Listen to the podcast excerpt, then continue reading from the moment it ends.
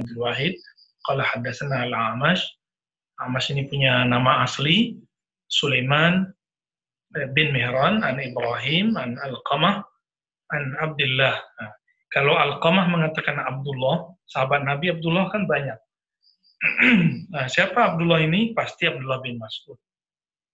Abdullah bin Mas'ud wafat tahun 33 Hijriah di masa pemerintahan Sayyidina Utsman radhiyallahu taala anhu setelah mereka sedikit eh, berbeda haluan dalam masalah jam'ul masahif ya. Qala baina ana amshi ma'an Nabi sallallahu alaihi wasallam. Jadi Ibnu Mas'ud berkisah, Ibnu Mas'ud ini uh, punya suhbah dengan Nabi dan menghafalkan Quran langsung dari Nabi.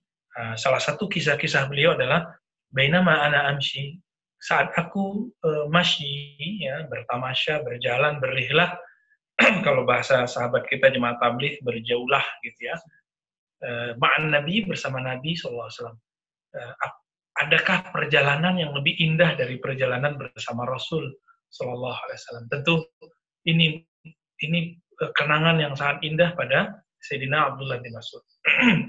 Fi kharibil Madinah ya, ya di pedesaan-pedesaan Madinah, di lembah-lembah Madinah, pelosok-pelosok Madinah, wa huwa yatawakkau ala asibin ma'ahu.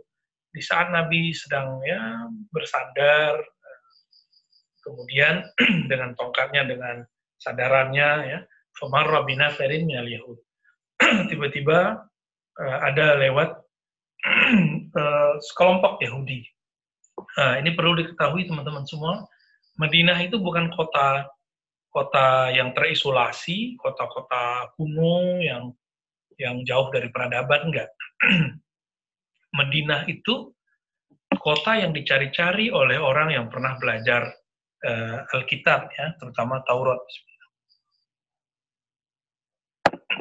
Maka sesuai dengan eh, ramalan-ramalan Nabi Musa yang ditulis yang disalin dalam Bible dalam Perjanjian Lama yaitu Taurat bahwa Sang Ahmad akan muncul di negeri yang banyak pohon kurmanya.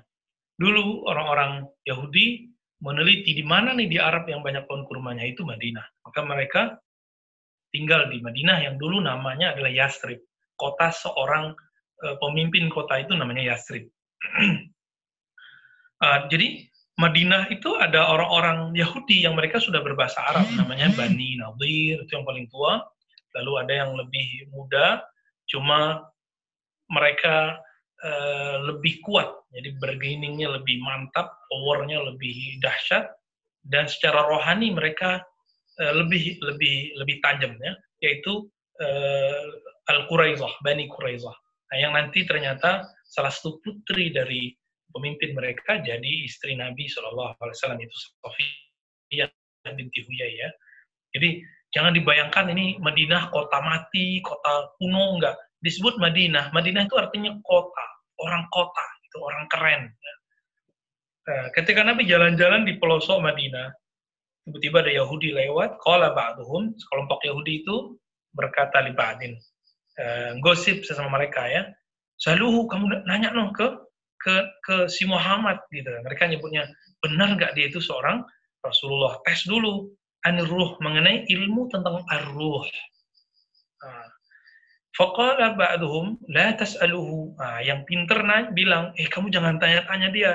La yufi bi syai'in taqrawunahu ya Eh, nanti la yaji fihi bisya'in takrahunu. Tidak akan datang eh, kepada kamu dengan sesuatu yang kamu tidak suka. Tapi la di situ artinya bisa juga nanti kamu nggak nggak nyaman loh, nanti ilmumu habis loh, kira-kira begitu ya. Nanti kamu dipermalukan loh. Atau nanti kamu tunduk loh, atau malah ini ngejek, ah paling juga bisa jawab. Ya kira-kira gini kalau kita ilustrasikan zaman ini ya. Faqala ba'duhum lanas'alannahu enggak, kita harus tanya dia. Katanya dia seorang nabi, katanya eh, eh, apa? Namus Jibril yang datang ke Nabi Musa itu juga datang ke dia. Kita harus tes ini benar nggak?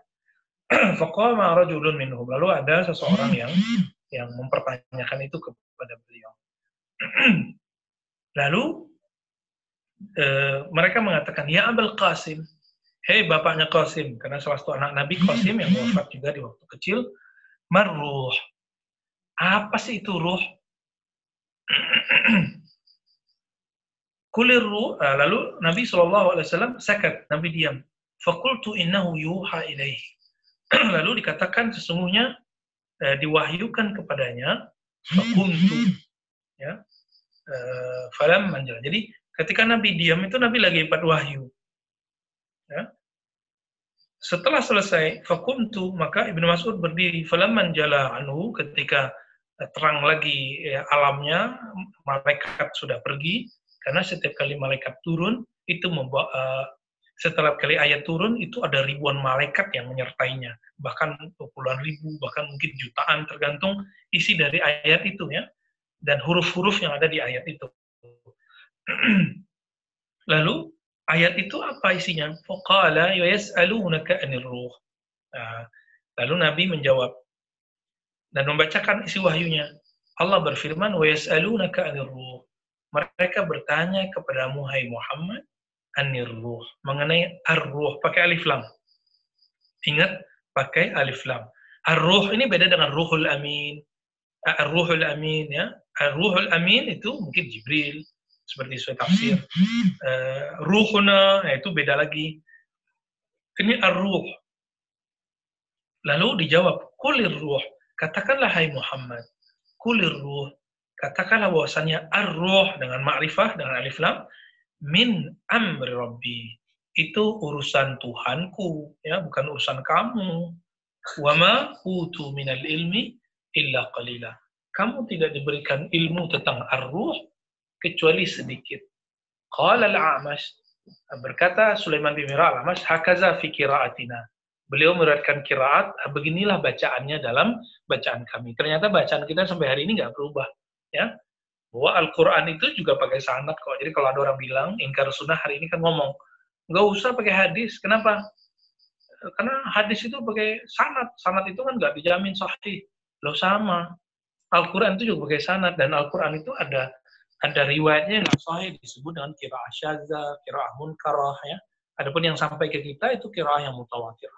Nah, teman-teman semua, kalau bahasa kasarnya gini, kalau diterjemahkan ayat ini, kamu nanya-nanya masalah ruh.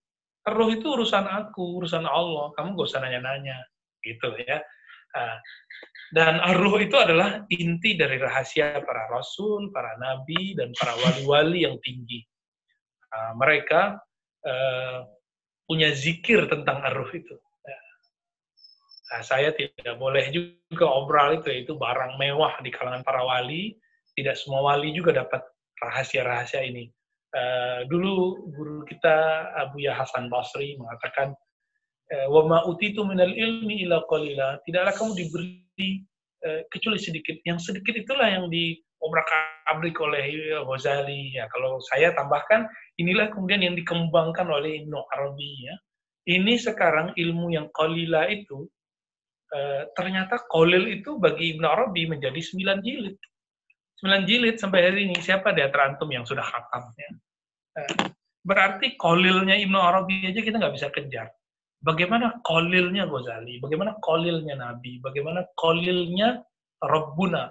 Rabbu Muhammad Sallallahu Alaihi Wasallam, Rabbul Ghazali, Rabbu Ibnu Arabi.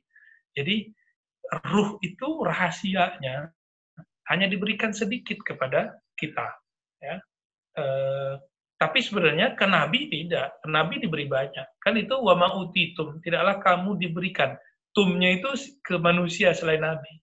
Kalau Nabi diberikan semua, lengkap Nabi diberikan.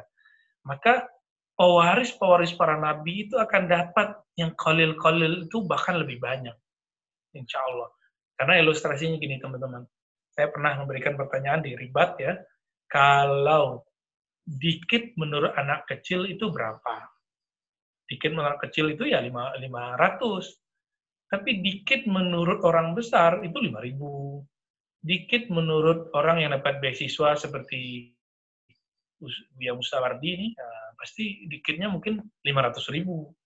Kalau dikit menurut pengusaha, mungkin, mungkin ada yang pengusaha Tanah Abang ini, mungkin dikit itu 50 juta. Itu modal dikit. Kalau dikit menurut pengusaha yang sifatnya lebih besar seperti Khairul Tanjung itu berapa gitu. Seperti Joe Taslim itu berapa dikit menurut dia. Dikit menurut dia itu ya 50 M itu dikit. Ya. Kira-kira dikit menurut Menteri Keuangan Sri Mulyani dia bilang saya mengelontorkan sedikit. Sedikit itu berapa? Mungkin satu T, ya, satu triliun. Kira-kira kalau raja dunia, pengusaha-pengusaha di dunia bilang sedikit aja itu udah udah beda-beda tergantung apa yang dia punya. Kalau Allah yang bilang sedikit, pemilik langit dan bumi, Rabbul Arshil Azim, pemilik aras yang besar, itu dikitnya kira-kira berapa? Silakan direnungi sendiri ya. Nah, inilah yang disebut dikit ini ditumpahkan ke ruh Nabi SAW, lalu diwarisi kepada para sahabat, maka eh, dari sahabat diwariskan ke ulama-ulama sampai hari ini. Jadi teman-teman, setinggi apa pun makomat kita hari ini, kita nggak akan melewati sahabat. Kita kan nggak nggak akan melewati uh, nabi. Ya. Jadi kalau ada orang bilang saya lebih tinggi, saya udah melewati makom-makom para sahabat, apalagi menghujat sahabat, nah ini orang nekatnya, uh, mudai, ya, mudai ala ala ala syekh. Baik, uh, dan arruh ini menjadi rahasia para anbiya, para rasul, para wali-wali kabir, wali-wali besar. Uh, mereka berzikir itu ada kaitannya dengan nama ini, ya, arruh. Uh, Tolong dibedakan arruh dengan ruh ya, itu berbeda ya. Kita ini disebutkan dalam dalam Al-Qur'an Allah menyebut uh, nenek moyang kita faktu fihu min ruhi. Aku tiupkan kepadanya rohku. Berarti Allah menyebutkan rohku gitu ya. Kita ini itu tiupannya. Jadi Nabi Adam, para nabi-nabi, makhluk semua ini adalah tiupan dari rohnya Allah. Tapi tiupan itu kan ada yang full. Ini ilustrasi aja ya. Ada yang nah, contohnya kita, kita hari-harian kan kalau nggak lagi nggak latihan nafas atau lagi nggak ngos-ngosan, nafasnya nggak panjang, dikit aja. Ya, akhirnya paru-parunya nggak keisi banyak. Nah, ini ilustrasi aja. Ada orang yang diberi ruhnya panjang, ada yang diberi ruhnya pendek. Ya, nafkahnya ya, tiupannya. Kira-kira itu eh, teman-teman uh, semua. Nah ini sudah dapat empat bab. Biasanya kita cuma dapat uh, tiga bab ya. Berarti dapat uh, empat hadis. Alhamdulillah ini termasuk uh, banyak menurut saya. Bandingkan Imam Imam Bukhari yang sebulan dapatnya satu, bahkan tiga bulan dapatnya setengah ya. Uh, kita sudah dapat dalam beberapa menit ini langsung empat hadis, empat bab. Nyampe lagi ke bab arruh ya. Iya. Ya, silakan kalau ada tanya jawab di lewat chat lebih baik ya, eh, biar bisa dibacakan oleh eh, Buya Musa.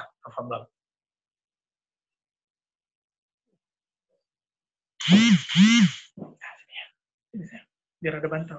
Ya. Baik, terima kasih banyak Bu ya. Uh, baik Bu ya, ini pertanyaan pertama dari Pak Haddad Buya mau tanya, jangan merasa aneh dengan kesuraman hidup di dunia. Uh, itu hikam ya? Belum ada lagi ya. Jangan ya, ada kutipan jangan merasa aneh dengan kesuraman hidup di dunia. Apa ada hubungannya dengan kasus wabah ini yang terjadi? Mohon penjelasan. Ya, ya itu kan Ibnu Ta'ilah telah menyebutkan dalam Al-Hikam. Kamu jangan heran, dunia itu emang emang begini gitu yang nggak siap dengan hidup eh, apa bala bencana di dunia, ya jangan tinggal di dunia. Satu kali Sufyan Sauri, saya ingat saya, eh, datang ke gurunya, ngeluh. Apa katanya? Wahai tuan guru, nah ini saya pernah bahas di ribat ya, eh, tolong tunjukkan saya di mana ada perumahan atau kampung atau komplek yang yang tetangganya nggak resek gitu. Itu baru masalah tetangga itu. Lalu kata gurunya, ayo ikut saya. Dibawalah jalan, ternyata nyampe di kuburan. Tuh, di situ tuh. Masuk ke kuburan situ, baru kamu nggak punya tetangga yang rese. Itu pun kalau masuk masuk ke kuburan, Kalau dikubur dekat orang yang maksiatnya banyak, nah kita bisa terganggu, terganggu kalau taat kita nggak lebih banyak. Nah, jadi uh, ya dunia itu begini, virus itu bagian dari uh, kehinaan dunia ini. Uh, dunia itu menghina sudah satu kali Nabi supaya sahabat-sahabat tuh nggak mengejar-ngejar dunia. Nabi kemudian bawa beberapa sahabat yang sudah kolbunya kuat, Nabi bawa ke tempat orang buang air besar. Jadi dulu buang air besar itu ada tempat khususnya. Nah, kemudian ini juga sekali tempat pembuangan bangkai-bangkai. Sampai di sana Nabi bilang, hei kalian Lihat itu. Itu adalah hakikat dunia. Apa yang kalian makan itu jadi jadi kotoran. Ya. Ditinggalin dikit, daging busuk. Buah dibiarin dikit, bau. ya Badan nggak dikasih parfum, bau. Mulut nggak digosok gigi, bau. Badan ini dulu cantik, kalau perempuan gagah, kalau laki-laki ternyata sudah nambah umur, nambah umur, kemudian mulai lemah, sakit-sakitan, keriput, hilang semua ya nah, kira-kira ini uh, apa jadi memang dunia itu begini uh, kita harus mencari yang tidak sifatnya duniawi ini ya yang sifatnya uh, berkoneksi dengan sang peniup tadi uh, yang menafik yaitu Allah tadi uh, tiupan itu akan jadi kita ini karena tiupan Allah roh kita akan kembali kepadanya tubuh ini akan kembali ke ke tanah itu sebabnya sujud itu emang ke bawah karena dia kembali ke hinaan Sedangkan roh itu nanti dia akan koneksi kepada yang maha tinggi, Rabbuna Azza wa Jalla, Al-Aliyul Kabir. Ya. Ada lagi? Silakan Musa. Pertanyaan berikutnya dari uh, Haryanto. Assalamualaikum Ustadz, izin bertanya. Maaf jika melenceng dari tema kajian. Teman saya ada salafi mengatakan bahwasanya kiblat ilmu agama itu ya di Madinah, Ustadz, bukan di Mesir, Maroko, Turki, dan lain. Dia sering menyebut hadis Kurang lebih bunyi hadis tersebut, iman akan kembali ke Madinah seperti ular yang kembali kepada sarangnya. Apakah hadis ini sahih Ustaz dan penjelasannya? Terima kasih. Ya. Madinah itu Madinatun Nabi ya. Itu memang mulia tempat yang sangat mulia.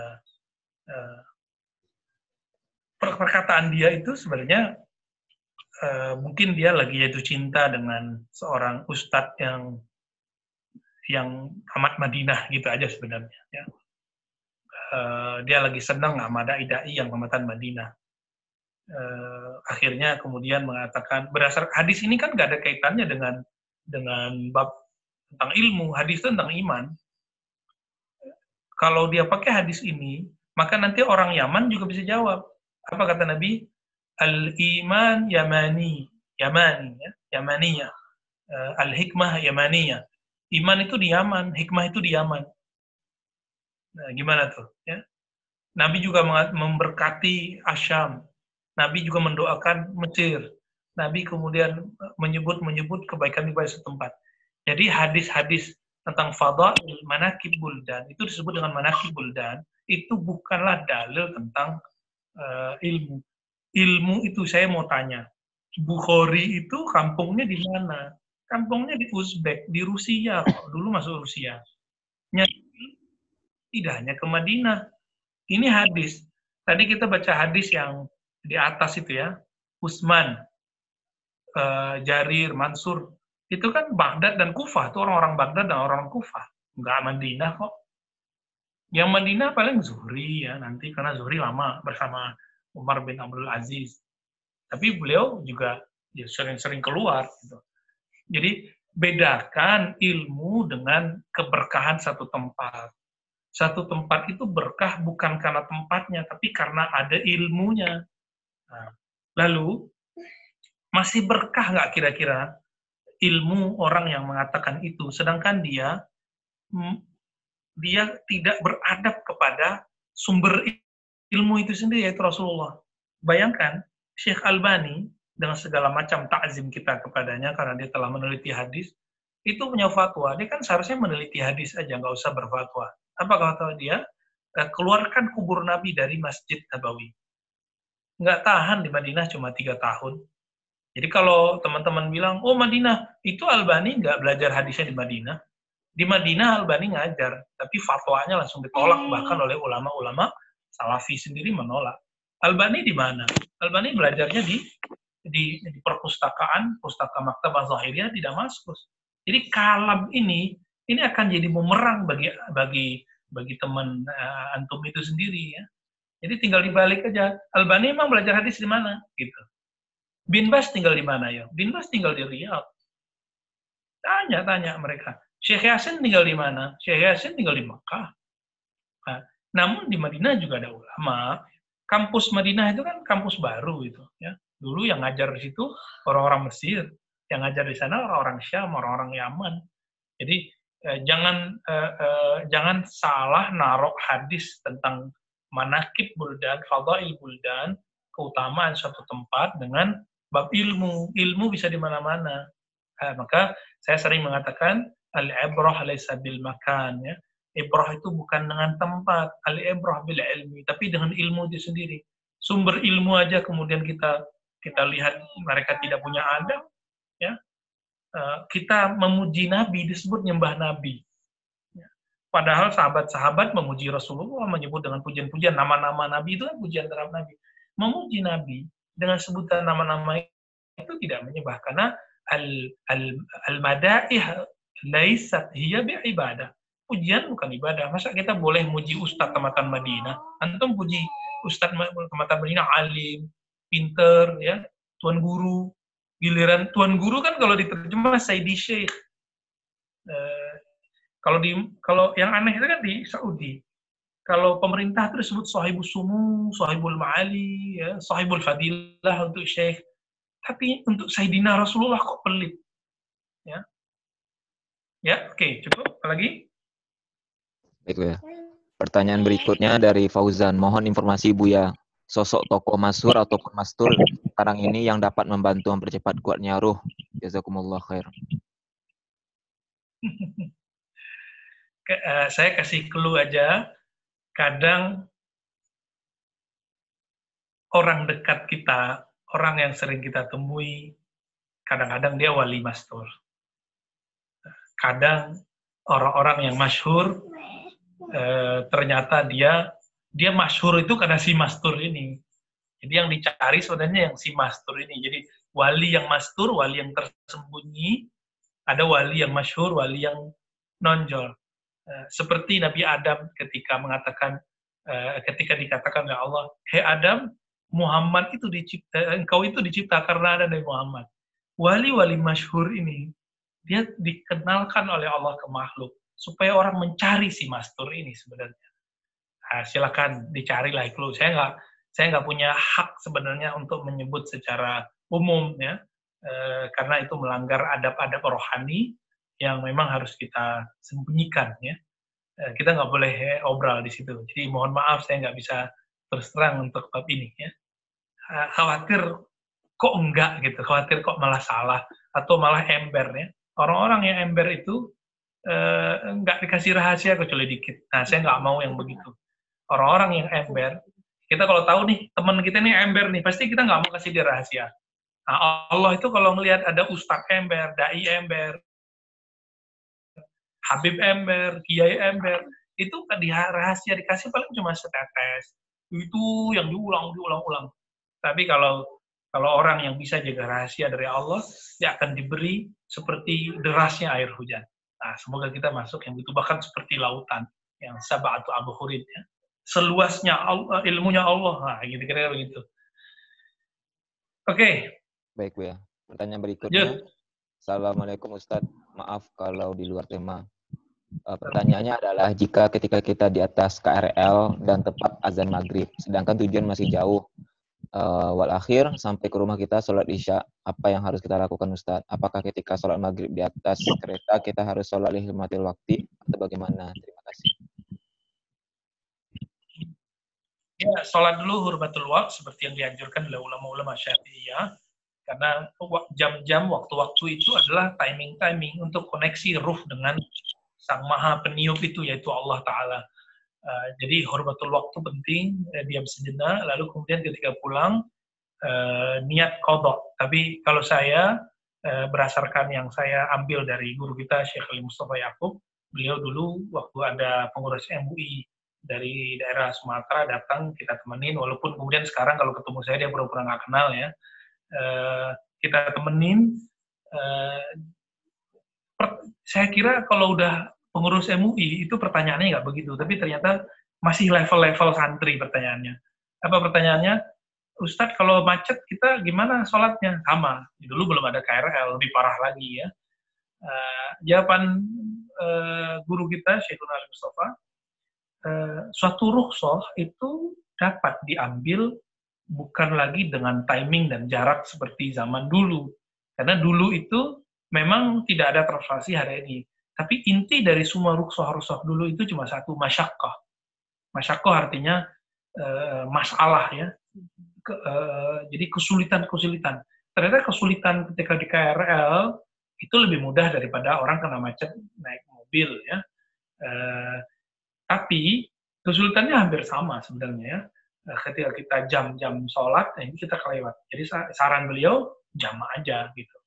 Kalau mazhabnya mazhab syafi'i yang mutakhirin di kitab-kitab yang lama itu, eh, itu jamaah.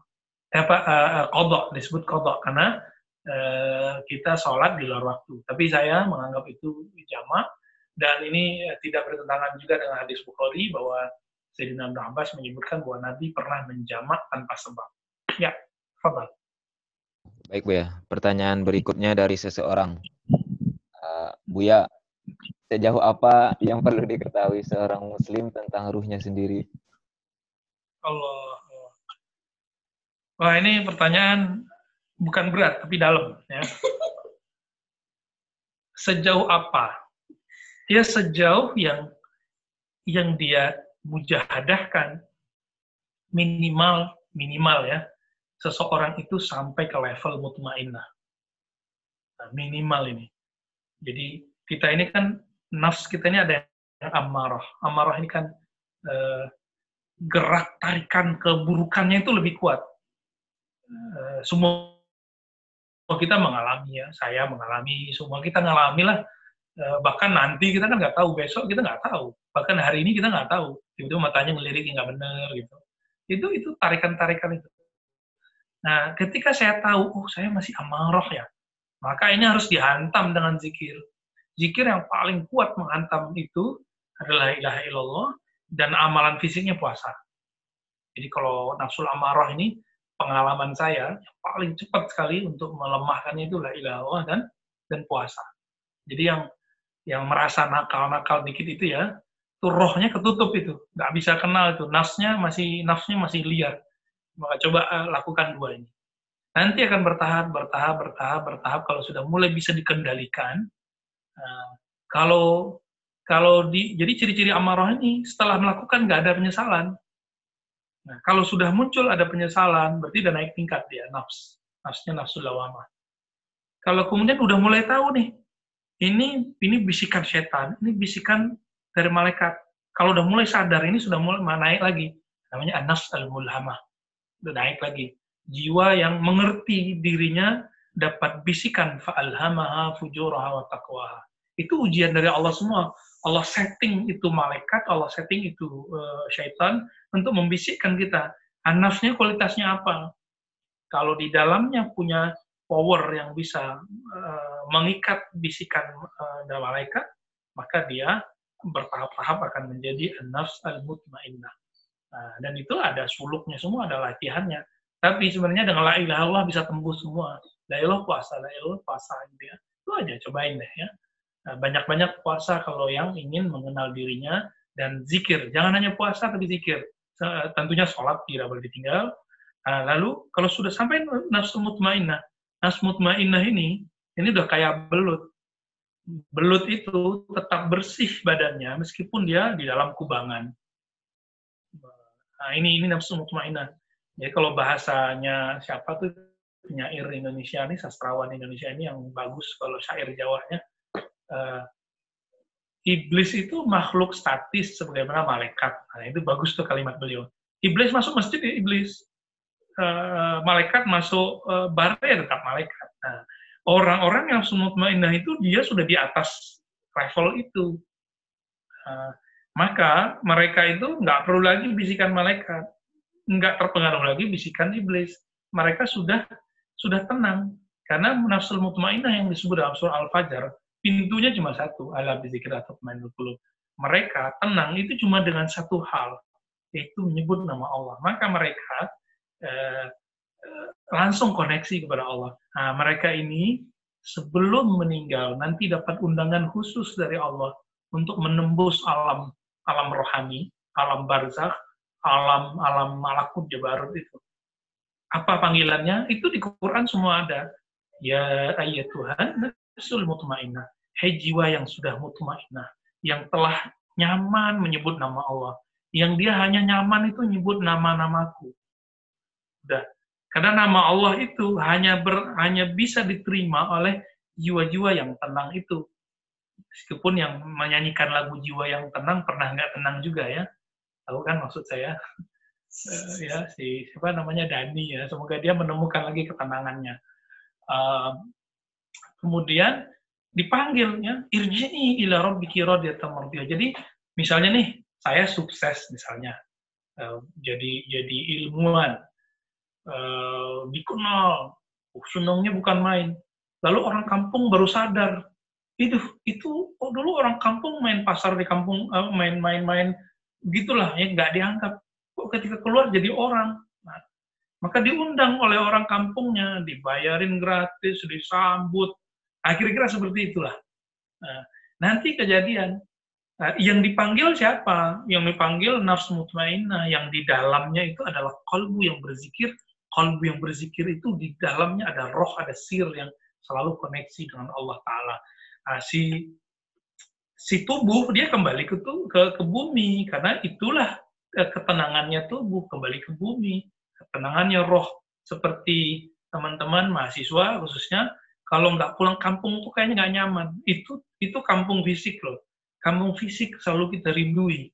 Masa kampung rohani yang abadi kita nggak kita rindui?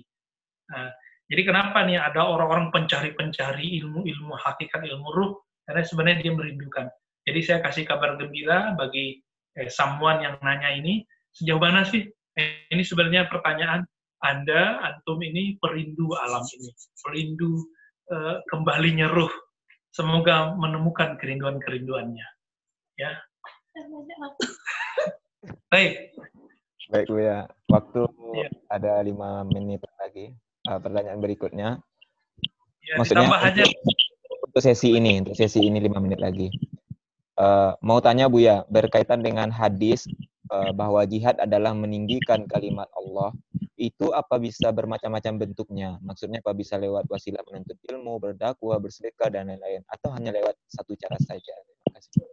Ya, pinter. Ini pertanyaannya juga lebih praktis ya. Saya sudah sebutkan di awal tadi bahwa jihad perang, membunuh, menumpahkan darah itu adalah ujung dari uh, jihad sebelum itu ada namanya marahil-marahil.